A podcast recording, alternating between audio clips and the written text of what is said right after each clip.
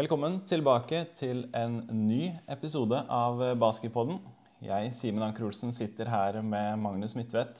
Vi har snart fullført fire runder med BLNO. Det er gått fire uker siden sist vi snakket, Magnus. Noen lag har spilt fire kamper, andre har spilt syv.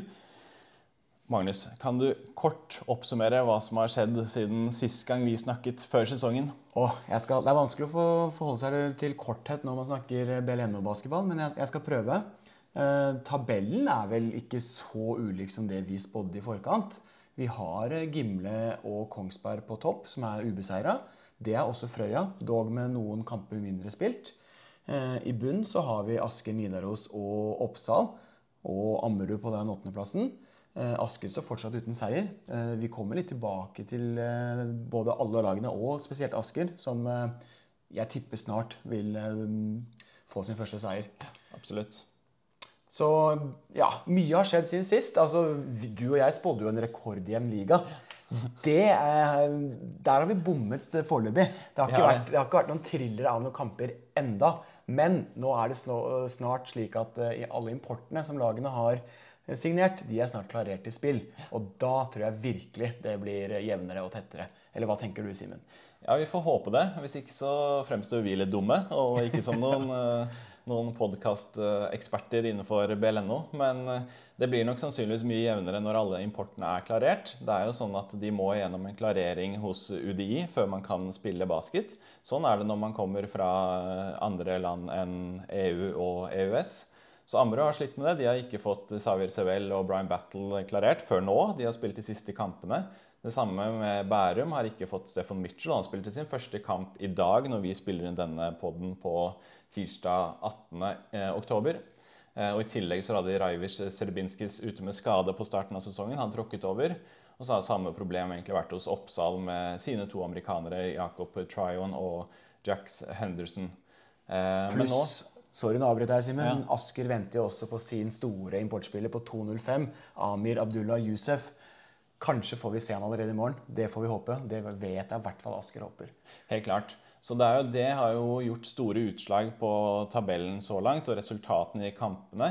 Jeg tror vi hadde vært, hatt mye jevnere kamper hvis alle lagene hadde vært, eh, vært fulle. da. Eh, men så er det jo sånn at det tar tid å klarere spillere. Det vet man jo på starten av sesongen også. Mm. Så det er kanskje en hjemlekse til mange av lagene før neste sesong å starte klareringsprosessen en uke eller to, to, tidligere. Så har man eh, spillerne sine hele sesongen. Det er jo en, en fordel, da. Det er jo det. Ja.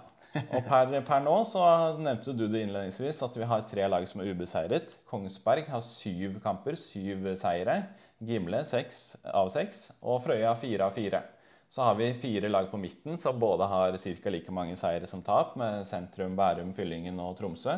Og nederst på tabellen så har vi Oppsal, Ammerud, Nidaros og Asker. Alle med én eller null eh, seire. Så vi har fått en ganske klar tredeling av, eh, av um, tabellen så langt. Asker står, står uten seier eh, foreløpig som eneste lag.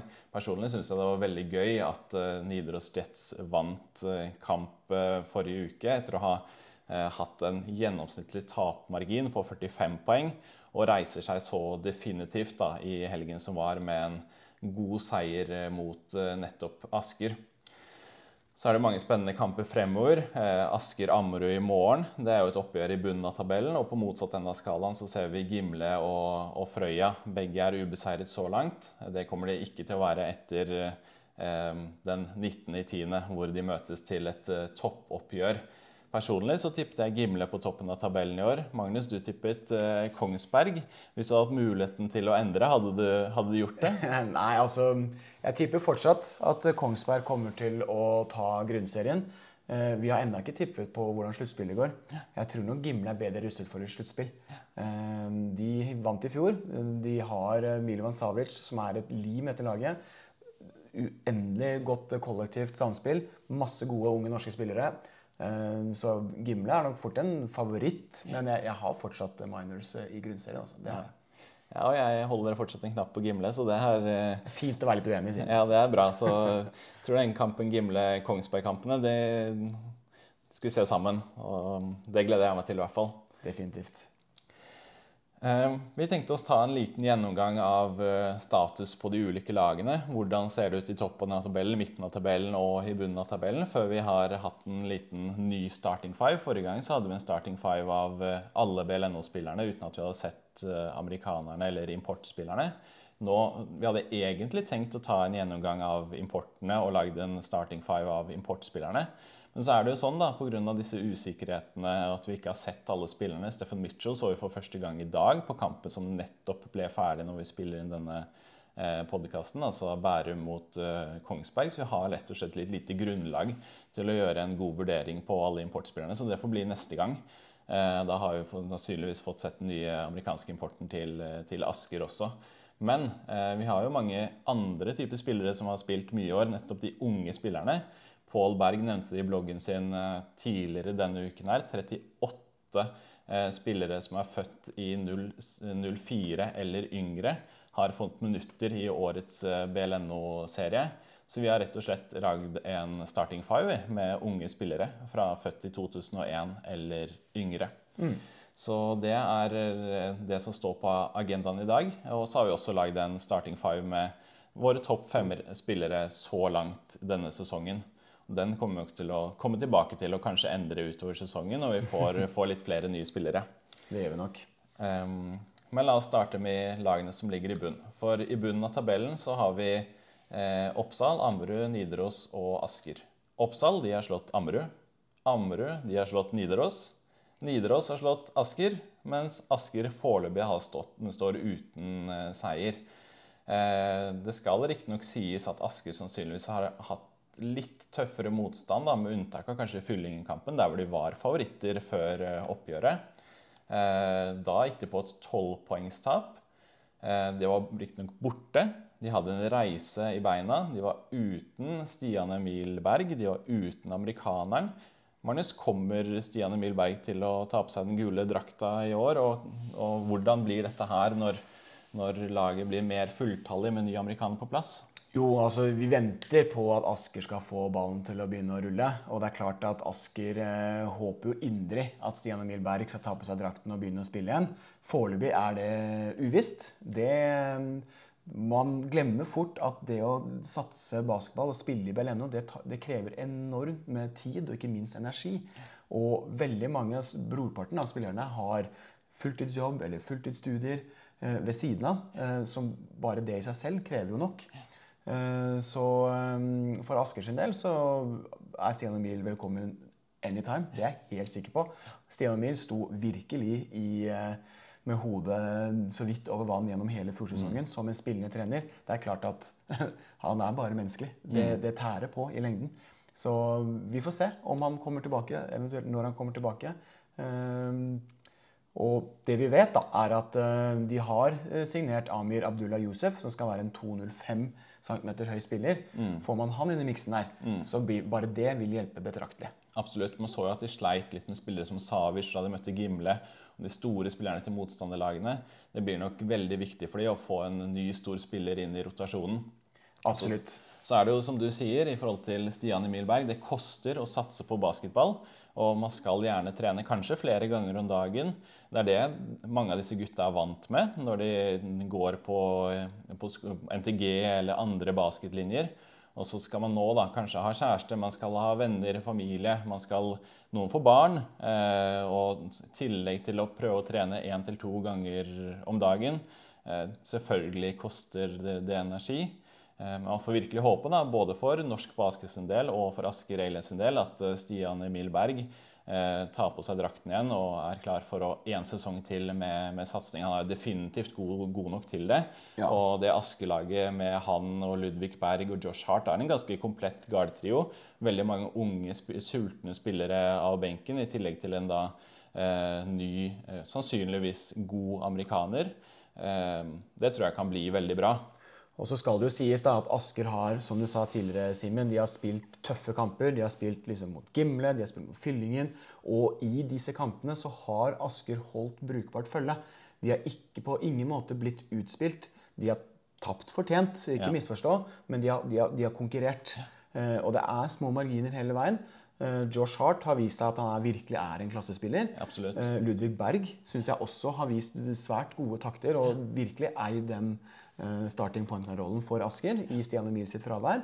Eh, Når de får inn en spiller til i miksen, når Per Tøyen og Benjamin Cox sine spillsystemer begynner å sitte litt mer i ryggmargen til hele laget som en unit. Ja. Og må ikke glemme at vi venter fortsatt på at denne 04-banden med Niklas Sandstrøm, Eldar Alajic, Oliver Bergstad og Brage Brustad skal begynne å finne litt tilbake til de taktene de viste spesielt under junior-NM i våres, men også det de viste tidvis i fjorsesongen. De har slitt litt med skader, syns ikke de har helt kommet i gang ennå. Skieme Okeke har vært et veldig lyspunkt, som også skal nevnes. 04-spiller fra Asker. Helt klart, Han var veldig god i, i sist hjemmekamp. Det var vel kanskje mot Fyllingen. Han synes han virkelig steppet opp og var aggressiv og god i forsvar og tok gode offensive valg. Men dette er jo ikke en podkast om Asker Elens, dette er jo om hele BLNO. Eh, vi kan jo ta en kjapp tur innom Optinor til nord mot laget som nettopp slo Asker. De hadde før kampen mot Asker, Nidaros Jets, hadde en gjennomsnittlig tapsmargin for 45 poeng. Det er mye. Ble jo reddet på baskettinget før sesongen. Ville vise at de var verdig plassen sin, og hadde jo en fantastisk kamp mot Asker. Må ha smakt virkelig virkelig godt. Hva betyr det, Magnus, å, å gå fra såpass klare tap til å få en overbevisende seier og god seier mot et relativt godt lag som Asker? Det var utrolig viktig. Altså, både Asker og Nidaros trengte en seier der, men Nidaros trengte den mer enn Asker, mm. etter min mening. Nidaros har fått en svært tøff start. Vært mye skader og sykdom og virket veldig tynne. Um, De har signert en eh, meget profesjonell coach i Cosmin Blagoy. Um, Han har nok fått et lite kultursjokk. Ja. I og med at dette laget her består først og fremst av studenter som ofrer veldig mye tid og energi, og ikke minst penger, på å på en måte spille toppbasket. Ja. Ehm, nå mot Asker så hadde de hele laget på plass igjen. Ehm, og spillere steppet opp, kanskje spesielt Mikkel Årnes, som virkelig viste seg å være den spilleren han er nødt til å være dersom de skal konkurrere. De trenger å skyte bedre. De skyter 19% fra trepoengeren.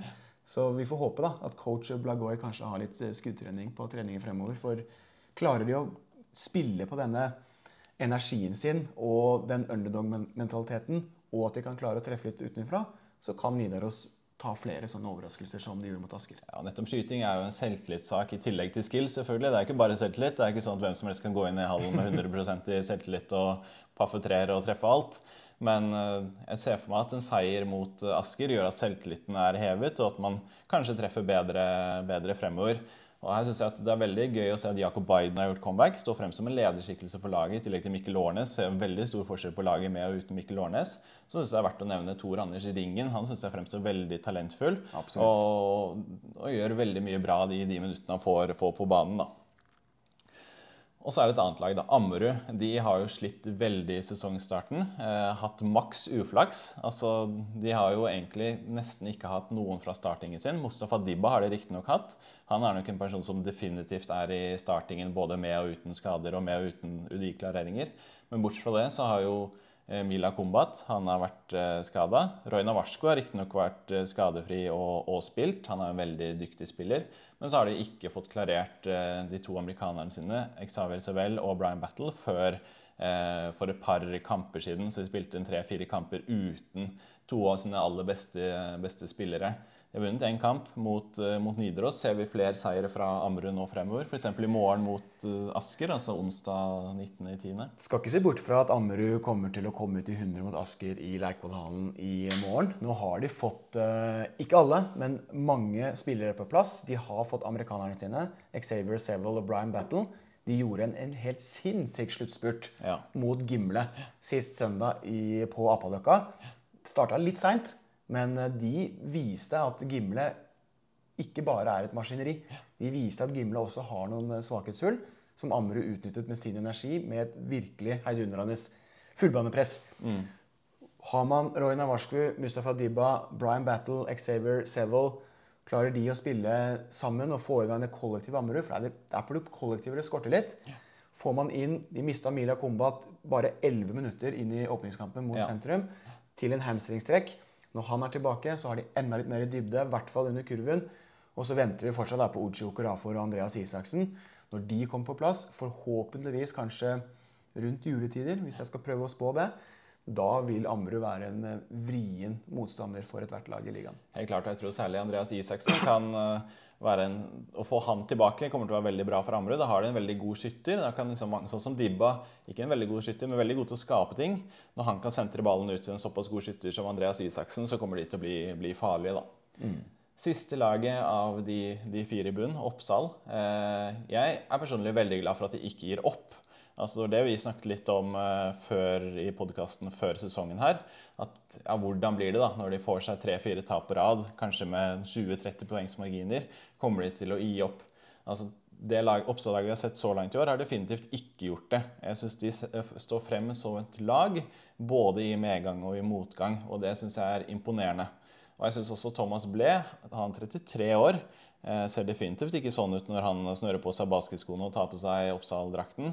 Og så på helt motsatt side av skalen, Estienne Aspik for et talent. Ja. Altså, vi, vi, vi, har ikke bare bomma i våre spådommer. Altså, vi spådde at Thomas Bree kom til å ha en god sesong. Vi spådde også at han har trent godt i sommer. Det synes. Thomas Bree har vært fantastisk god for uh, Oppsal. Uh, Riktignok så var han ikke med første helgen i Bergen. Og det var merkbart at mm. Oppsal så uh, savnet uh, han. De så tynne ut i Bergen. Men vi så at Etienne Aspevik er det talentet vi snakket om før sesongen. Etter at de fikk Thomas Ble tilbake etter åpningsrunden i Bergen, så har både Etienne Aspevik og Thomas Ble begge to har spilt bra. De har også fått eh, inn 2-11-amerikaneren eh, sin, Jacob Tryan, mm. som har vist seg å være en viktig figur for de under kurvene. Eh, han skyter foreløpig bedre fra trepoengeren enn det han gjør fra topoenger.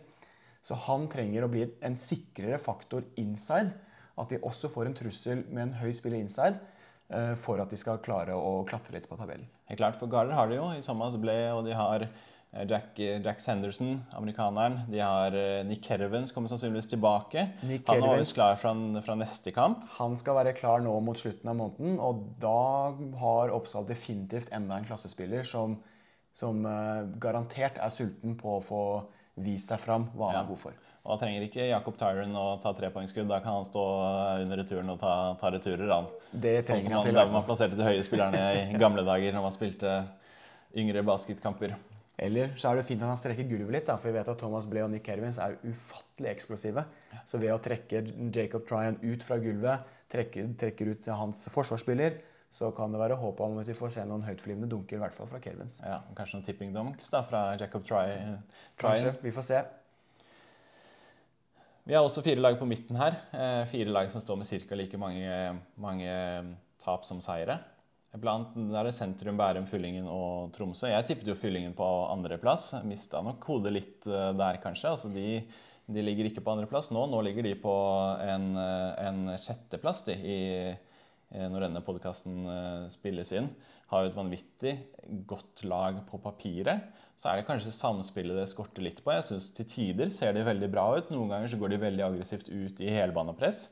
Og andre ganger så syns jeg de får veldig mye ut av når Gilligan skal prøve å dra imot kurven. Veldig flink til å dishe ut.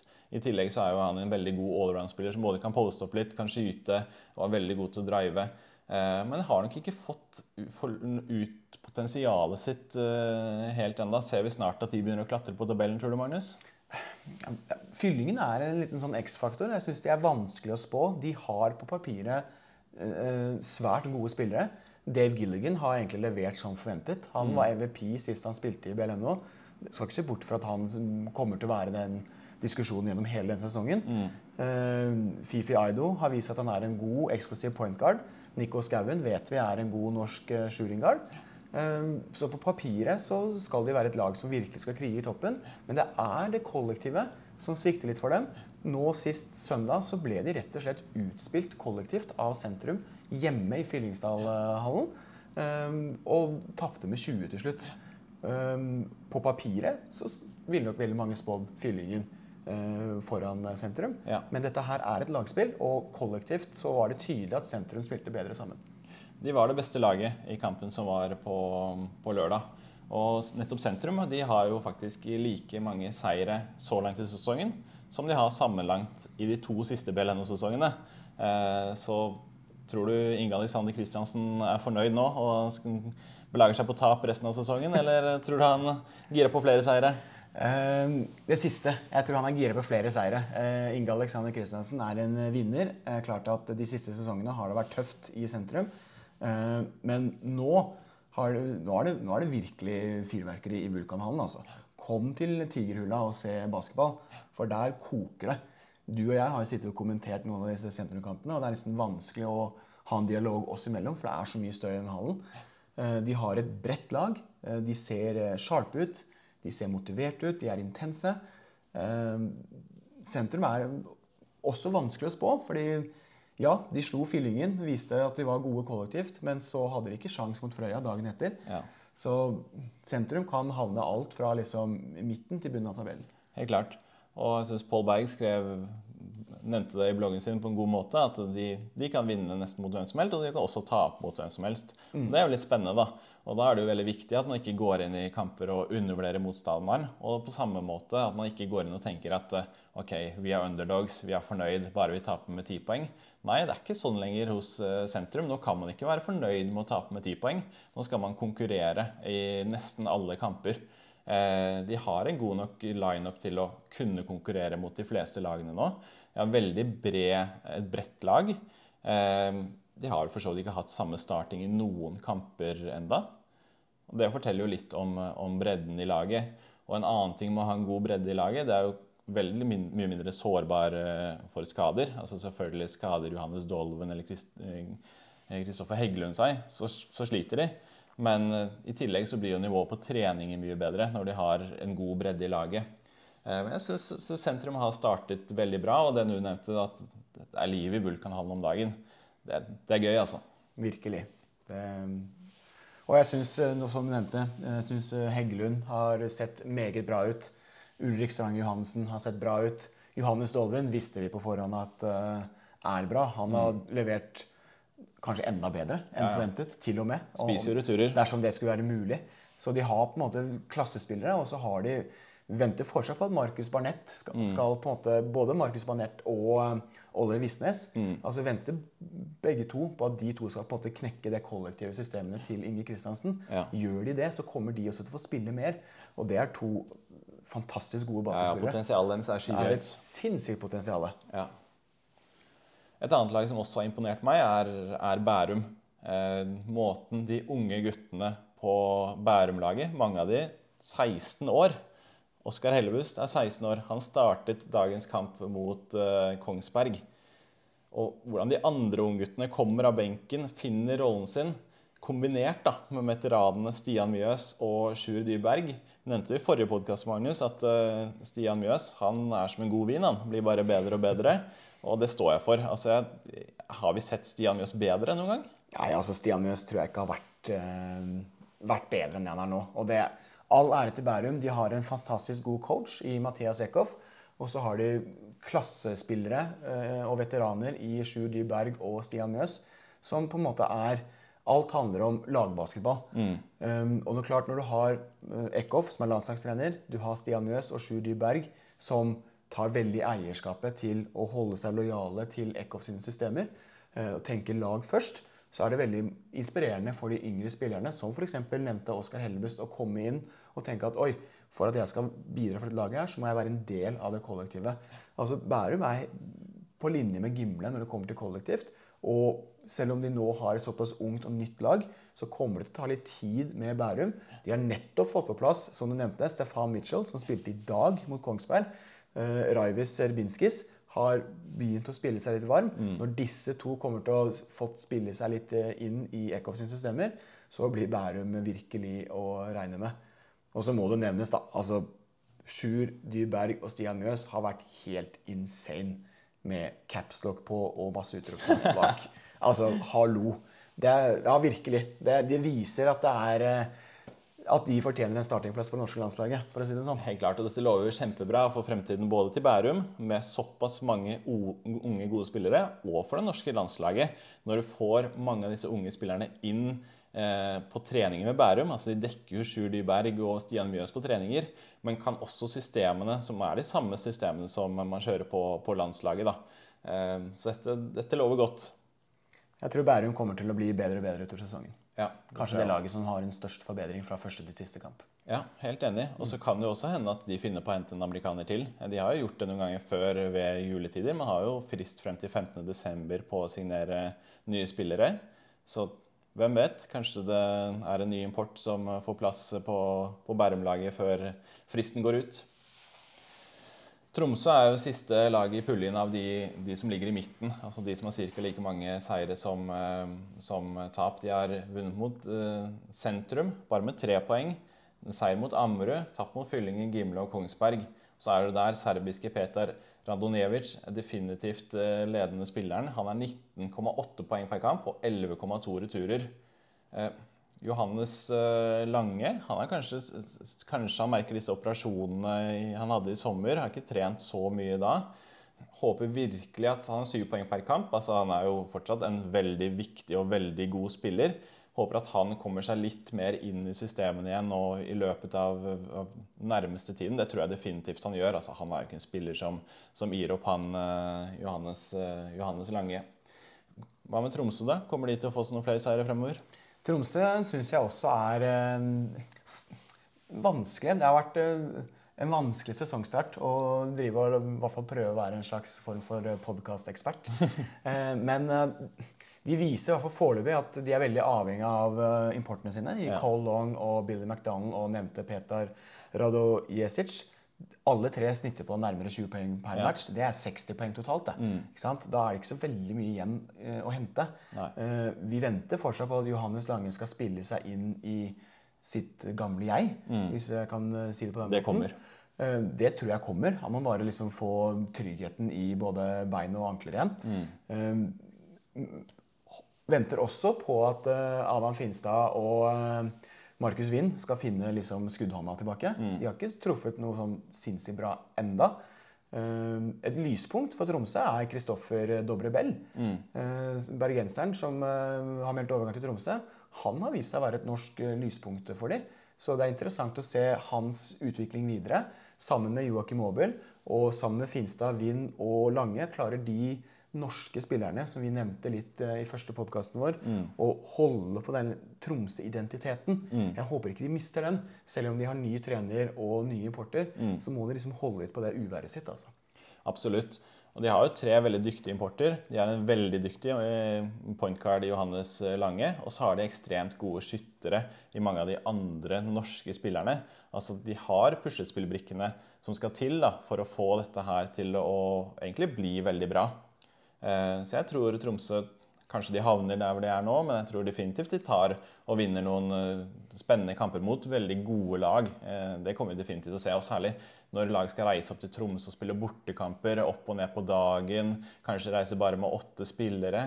Ikke sant? Man har jo utrolig hjemmebanefordel ved å spille i Tromsø, og motsatt så har man jo en ulempe da, når man skal reise til, til bortekampene. Tre lagene i topp. Der har vi Gimle, Frøya og Kongsberg alle dem eh, står uten tap så langt i år. Men det er jo spilt veldig forskjellig antall eh, kamper. Eh, Kongsberg har spilt syv kamper, Frøya har spilt fire bare, og Gimle har spilt seks. Vi nevnte jo tidligere i dag, at, eller tidligere på starten av denne podkasten, at jeg tippet Gimle øverst, du Kongsberg, og vi begge står på tippet vårt. Mm -hmm. Så det blir, eh, det blir, veldig spennende å se hvordan det utvikler seg i løpet av eh, sesongen. Hvis vi starter med Gimle, da, Magnus, så ser man at de jo, spiller jo utrolig bra lagbasket. Ser jo at de er utrolig godt coachet av eh, Audun Eskeland. Så syns jeg det er veldig imponerende å se alle disse ungguttene. Altså, jeg synes liksom Hvert eneste år så dukker det opp en eller annen, eller gjerne flere, i hvert fall i år, unggutter man ikke har hørt, navn, hørt om før som bare er ekstremt gode. Kommer inn, eh, fyller rollen sin, spiller aggressivt forsvar. Ikke redd for å skyte. Og tenk så bra det er for de da, å trene med altså, tre-fire landslagsspillere og Savic hver eneste trening, kanskje fem treninger i uka. Jeg har troen på dette Gimle-laget. Ja, det har jeg også.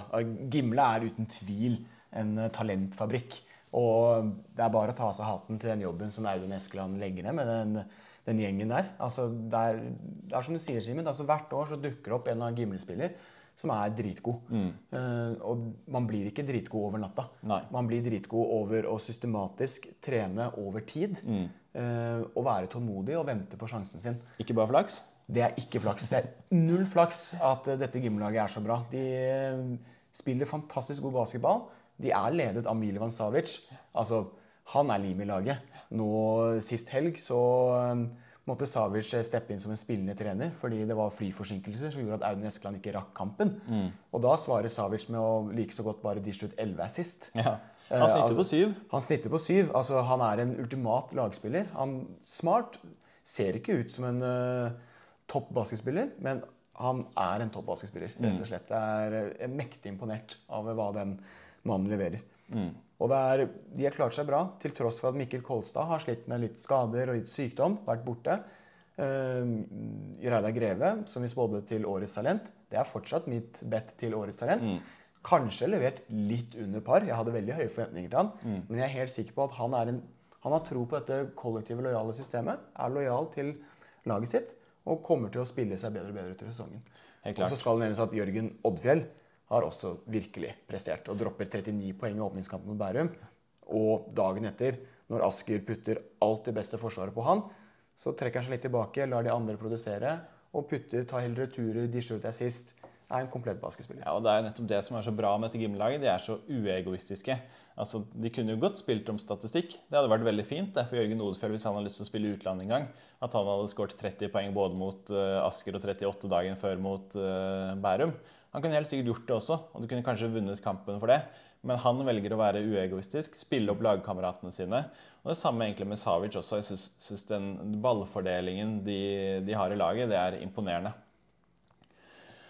Frøya også, de står uten tap så langt. Riktignok bare spilt eh, fire kamper, en av de mot Oppsal. Da vant de med 41 poeng. Tapp, vant bare så vidt med Bærum. En veldig spennende kamp. Der fikk vi kanskje en forsmak på det som venter oss eh, fremover. Mm, Da var det, ja, det var den spennende, mest spennende kampen jeg har sett uh, så langt denne sesongen. Og så vant de en relativt jevn spillkamp mot Aske med 14, og til slutt 21 poeng mot, uh, mot sentrum, da. Men nå, siden sist, så har de avsluttet samarbeidet med DeMonta Harris. Han har snittet på 17,7 poeng og eh, 7,3 eh, returer så langt denne sesongen. Riktignok av benken. De har jo fire importer. Eh, hvor Kommer de til å hente en ny import, tror du, for å erstatte han? Jeg tror kanskje ikke det. I og med at de måtte hente inn uh, DeMonte Harris av benken. eh, som var toppskårer for Frøya da de slo nettopp den nevnte kampen mot Bærum. Bærum. Uh, kanskje forsto Frøya at her må vi rett og slett uh, Kanskje er det lettere å ha et godt kollektivt lag dersom ikke det er mange stjernespillere som skal krige om de minuttene. Ja. Eh, Jeg syns Frøya ser sterke ut. De er fortjent ubeseira. Pointgarden deres, John Knight III, viser jo Forteller for meg at YouTube kan være en troverdig kilde. Altså maken til atlet. Herregud. er en helt sinnssyk spenst. Eh, kanskje er det et svakhetstegn for eh, Frøya at eh, nevnte John Knight III Han skyter jo ikke treere. Eh, når er det lagene skal oppdage han ikke skyter utenfra? Og hvor kritisk er det for Frøya? Til gjengjeld så har de jo Scarley White, som kanskje ikke gjør noe annet enn å skyte treere. Så det er et veldig sånn uforutsigbart lag akkurat nå per dags dato. Og så syns jeg det er veldig artig at Kristoffer Dalland har vært et uh, lyspunkt og vært ekstremt viktig uh, brikke i Frøya-puslespillet. Han tror jeg vi kommer til å bare spille på seg enda mer selvtillit. Helt. Og tenker at han som en point guard må matche opp mot atleten John Nath III på hver eneste trening.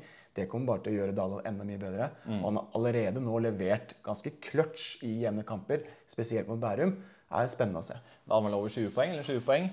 Og de er jo helt avhengig av det også. Altså Man kan jo ikke spille på et lag der hvor det bare er tre spillere som produserer, eller fire, da. Og nå blir det jo bare tre i så fall, når de har bare tre importspillere. Men så ser man jo, som du snakket om, at de norske spillerne har steppet opp, og det er man helt avhengig, helt avhengig av. Og det tror jeg vi kommer til å se mer av fremover. Og i så fall så kommer de til å være farlige utover i sesongen. Absolutt. Og jeg syns Jørgen Lamo tidvis viser at han er en god spiller. Jeg tror han kommer til å prestere bedre utover. Og så venter vi også at eh, Kim Endo skal på en måte få blomstra litt. Jeg syns det har stagnert litt for han i starten, men han kommer til å komme sterkere utover. Helt klart. Kongsberg de er, det er det laget som ligger helt på toppen. Syv kamper, syv seire. Slo nettopp eh, Bærum. Eh, de er riktignok to av kampene er i en dobbeltkamp mot eh, Nidaros, og så har de spilt mot Oppsal og Sentrum. Men eh, jeg syns de spiller veldig bra som et lag.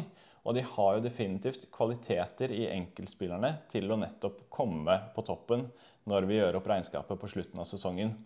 Og en spiller som virkelig har, har overbevist meg, det er William Lybekk. Han skyter over 50% på treeren. Spilte i dag forsvar på Stian Mjøs nesten 40 minutter.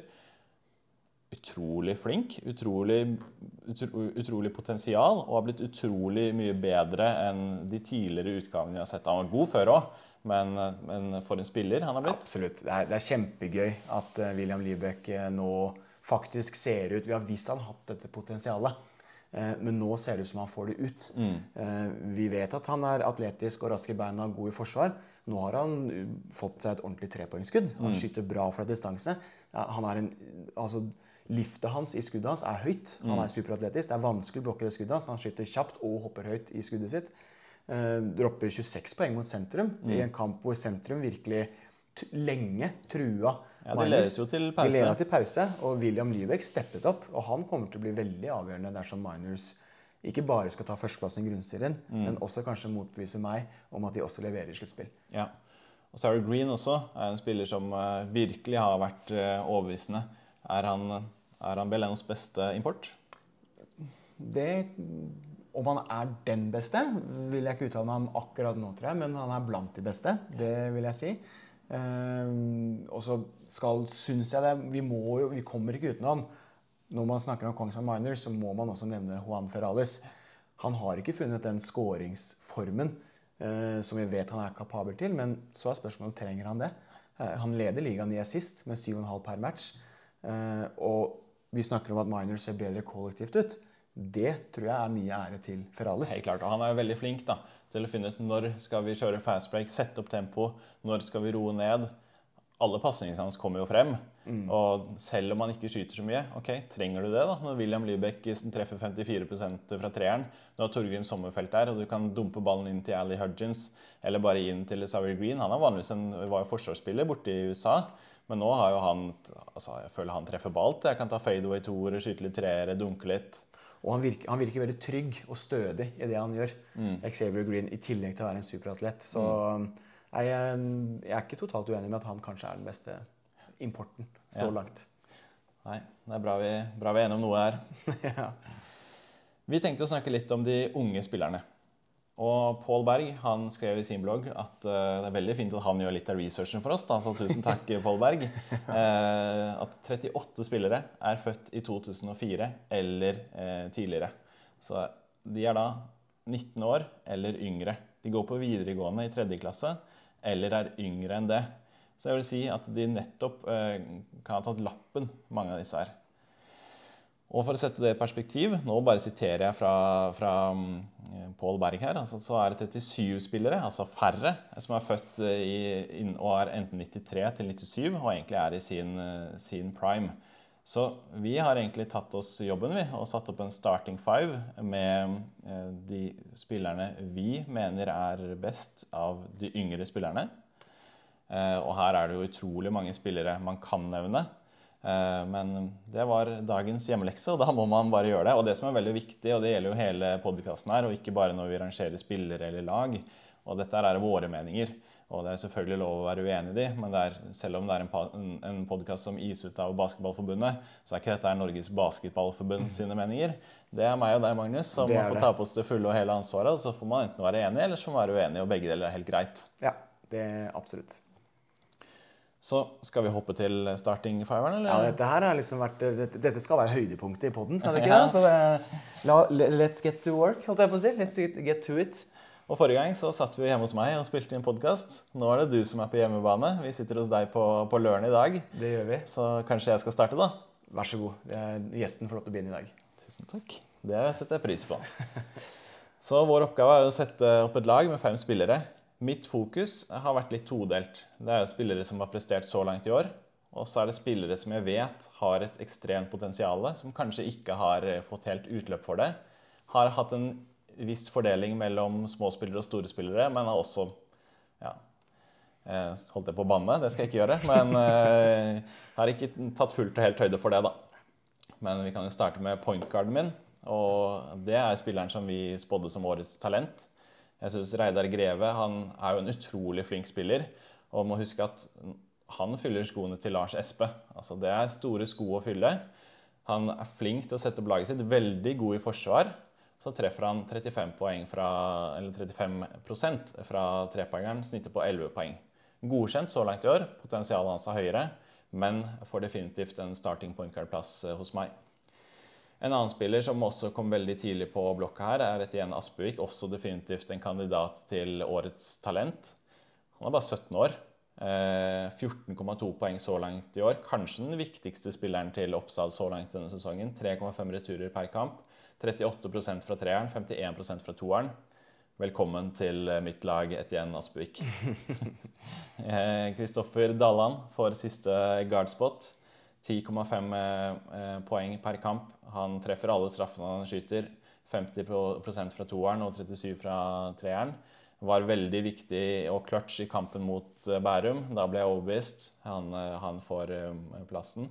Og her var Oskar Hellebust. Nå så vi nettopp kampen eh, Bærum-Kongsberg. Eh, Oskar Hellebust var ikke langt unna en, eh, en guardplass på laget mitt også. Det samme også med Kristoffer Gjerdre Sæteren. Syns han er ekstremt god. Veldig god i forsvar.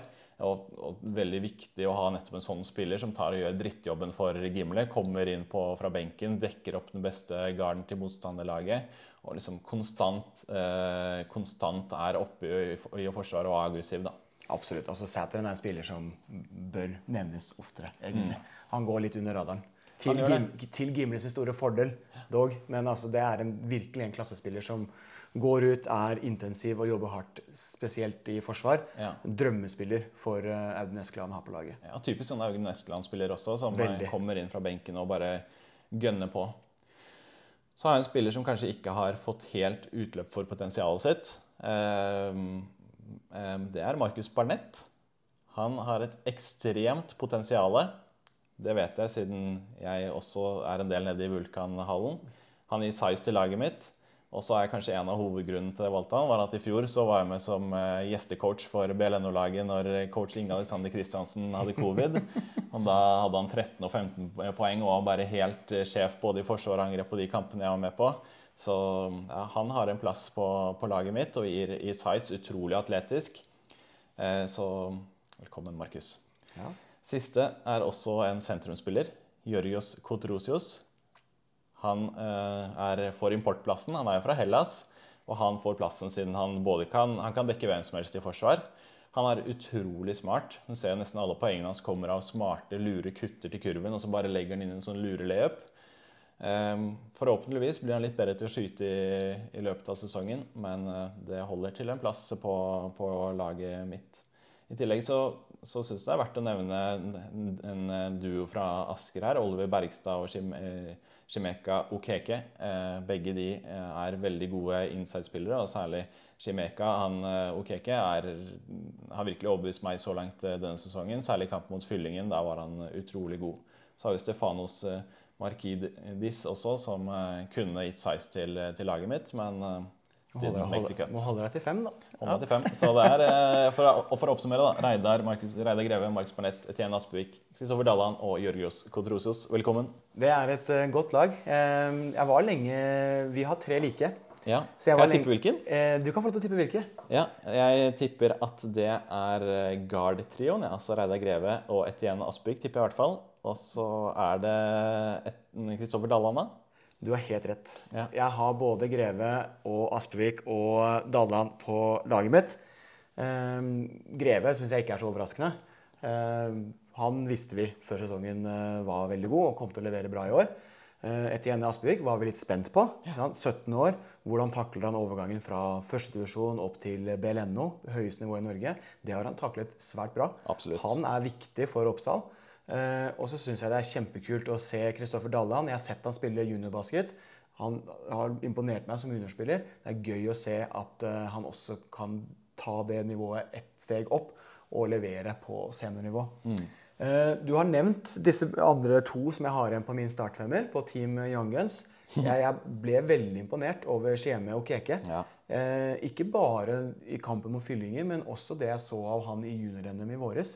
Det er en, virkelig en hustle-spiller som går etter alle returer, spiller forsvar, og som etter hvert tør å prøve seg litt offensivt. Så Okeke har vi bare sett en brøkdel av. Jeg er helt sikker på at han kommer til å blomstre mer og mer i eh, Per Tøyen sitt system. system. Eh, og så, Vi skulle ha Team eh, Young Guns. Eh, jeg skulle gjerne hatt både Barnett og Cotrosios på mitt lag også. Jeg syns det er veldig fint at du trekker fram Cotrosios spesielt, fordi han er også en spiller som går litt under radaren. Litt sånn som Kristoffer Sæteren for Gimle, kanskje. Eh, har vært i sentrum nå, dette er vel fjerde sesongen hans. Ja. Eh, fantastisk eh, smart basketspiller som han produserer litt sånn usynlige ting. Han tar returer, men du legger ikke så mye merke til det. Han skårer sine penger basert på pasninger fra andre fordi han er smart og kutter riktig. Så han, han putter jevnt og trutt. Litt sånn som kanskje Amira Lajic for Asker Ellis eh, tilbake til gamle dager gjorde. Han kunne fort finne på å skåre 20 poeng og ha 10 returer uten at du egentlig trodde han hadde, hadde en god kamp. Kotrosios kan fort finne på å bli en sånn type spiller for sentrum. Eh, Jeg har han dog ikke i min startfemmer. Skulle gjerne hatt det. Eh, Jeg har Oskar Hellebust. Eh, Og veldig glad. Jeg hadde plukket ut laget mitt før kveldens kamp mot Kongsberg. Du sa det var forbudt å bytte når vi så på kampen her. Og jeg var tidlig til å melde at Simen, det er forbudt å bytte den, eh, dette laget nå. For jeg visste at jeg hadde Hellebust på laget mitt. Han presterte godt mot Kongsberg, som er per dags dato det beste laget i ligaen. Å droppe 20 poeng mot de, det syns jeg er svært godt gjort. Helt klart. Du kan se det her, da. Dette er jo Han står på spillerne som nesten kom med, så det er i hvert fall ikke noe løgn. Det er bra. Vi har tid til en siste starting five her, Magnus. Ja, det rekker vi akkurat. vi må For det. eh, vi har jo også tenkt å nevne hvilke spillere Vi hadde hver vår starting five før sesongen. Da var det mange spillere vi ikke har sett. Mange av importene hadde vi ikke sett eh, på det tidspunktet. Men nå har de fleste lagene spilt i hvert fall fire kamper. Alle har spilt fire kamper. Mange har spilt opp mot syv kamper. Så vi har satt opp en starting five basert på de kampene man har spilt eh, så langt. Vil du starte her, eller? Skal jeg få lov til å starte? Ja. Ja, jeg gleder meg til den, denne startfemmeren her. Det er vrien å spille mot. Eh, kommer ikke utenom altså, Jeg blir veldig overrasket om du ikke har med denne spilleren her, og det er Stian Mjøs. Ja, ja. Altså, han dropper 45 poeng, eh, utropstegn, mot eh, Frøya. Det er med John Knight, som kanskje er ligas mest atletiske spiller, eh, og er ekstremt god i forsvar, på seg gjennom hele kampen. Eh, Det holdt dessverre ikke helt ut for Bærum og Stian, men altså, som du sa, han er som en god vin. Har vi sett han bedre enn det han er nå? Jeg er usikker. Eh, han får med seg lagkamerat Sjur Dy Berg. Mot Nidaros så hadde han 27 returer. Det er ekstremt. Eh, 27 returer på 28 minutter. I åpningskampen mot eh, Gimle så hadde han 20 returer. og Da var ni av disse offensive. Altså den, den mannen er bare en maskin. Han spiser returer, og han er alltid sulten. Så det, og han gjør drittarbeid, han setter screener, han spiller forsvar. Og han, han gjør også Stian Mjøs bedre ved å sette gode screener på han. Helt klart. Eh, Så videre så har jeg Det er litt risky. Jeg går litt old school i denne lineupen her. Jeg har med Sjur Berg som en forward, og jeg har med en annen big til i Johannes Dolven. De to spiller godt sammen. Det er et svakt argument når du setter opp en slik All-Star starting five. Men Johannes Dolven har vært helt ustoppelig for sentrum. Eh, Sjur Dy Berg spiser returer. Det gjør Johannes Dolven også. Sjur Dy Berg dominerer defensivt. Det kan man kanskje ikke si om Dolven, men Dolven til gjengjeld dominerer like godt offensivt.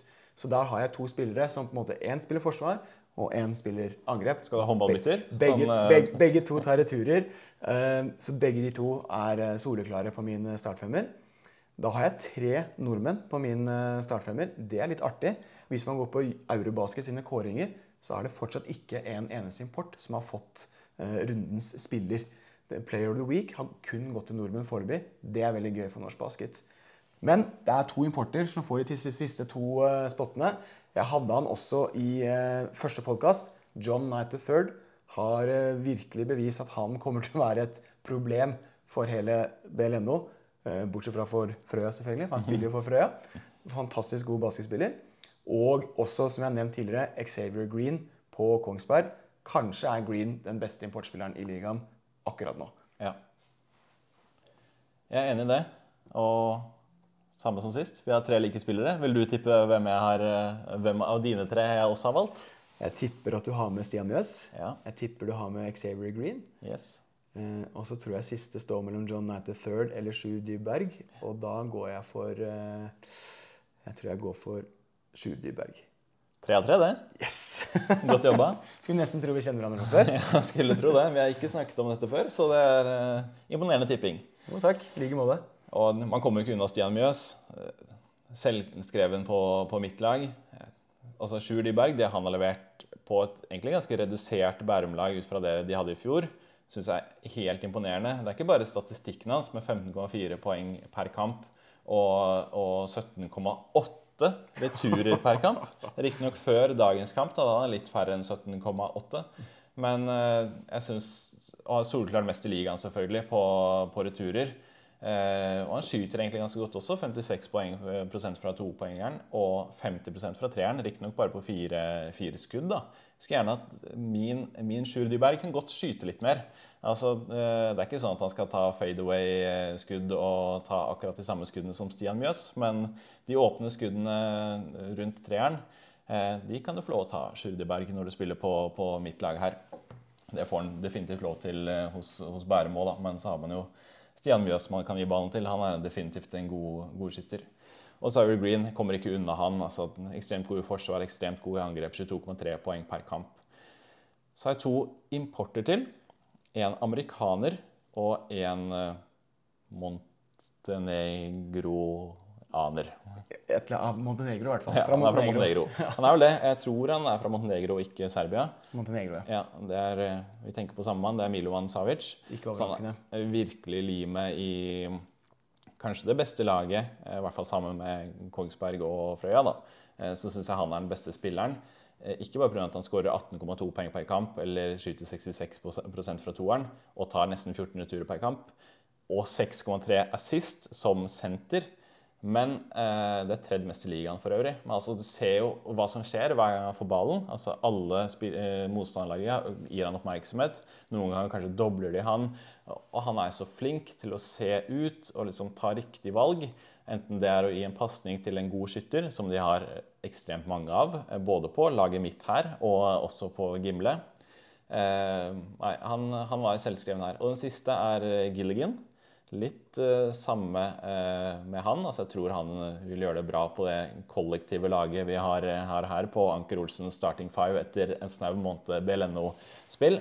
Uh, man ser litt det samme skje med han. altså Med en gang han får ballen, så skjer det samme som skjer med når Diba får ballen på Ammerud, at forsvaret trekker seg litt, litt inn. da.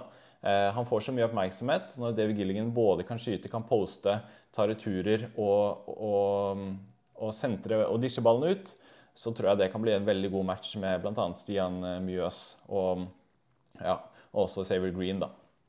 Hadde noen spillere som nesten, eh, nesten kom med her, og her, kommer de to du valgte. Det er ja, fire spillere som nesten kom med. Det er Jørgen Odfjell, som har levert veldig bra så langt. Josh Hart han er jo limet i Asker. Eh, og så har vi Johannes Dolven, limet i sentrum, og superatletiske John Knight the third. Det er bra, det er bra vi ikke er helt like. Det er Nei. spennende. Ganske like. For å runde det av her, Magnus. Vi nevnte jo forrige, forrige podkast. Da lovet vi en rekordjevn eh, serie i år. Eh, BLNO-serie. Eh, så langt har det sitatet eh, ikke levert helt. Nå har alle lagene nesten eh, fulltallige spillere. Det er riktignok litt skadetrøbbel, selvfølgelig, men det vil det alltid være. Eh, Men det er i hvert fall ikke noen UDI-klareringer, med unntak av den nye importen til Asker man venter på.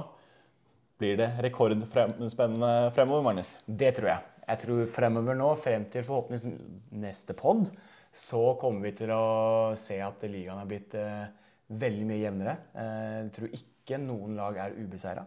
Og jeg tror også Asker har tatt i hvert fall én, og sannsynligvis flere seire. Eh, og tabellen vil være mye jevnere enn det den er nå. Det er, eh, første måneden er snart unnagjort. og Det er fortsatt mye basketball som skal spilles. Så det er, det er mye spenning i vente. Altså. Jeg gleder meg. Helt klart. Det er jeg også. Og det har vært utrolig spennende å få lov til å ha denne podkasten. Det er vi veldig takknemlige for, at du får lov til det fra Norges Basketballforbund. Så håper vi selvfølgelig at denne gangen at våre spådommer innfrir, og at det blir rekordspennende fremover til vi snakkes om ca. en måned. Yes. Så innen den tid så bare, er det bare å komme seg til den nærmeste hall. Se Norsk Toppbasket, følg med på BLNO om det er på, på TV 2 eller om du klarer å komme deg til hallen. Det er verdt å følge med på, for det er, det er mye kult som skjer i norsk basket. Og det er eh, fantastiske kamper vi har foran oss. Helt klart. Da takker vi for følget. Jeg heter Simen Anker Olsen, og med meg så har jeg Magnus Midtø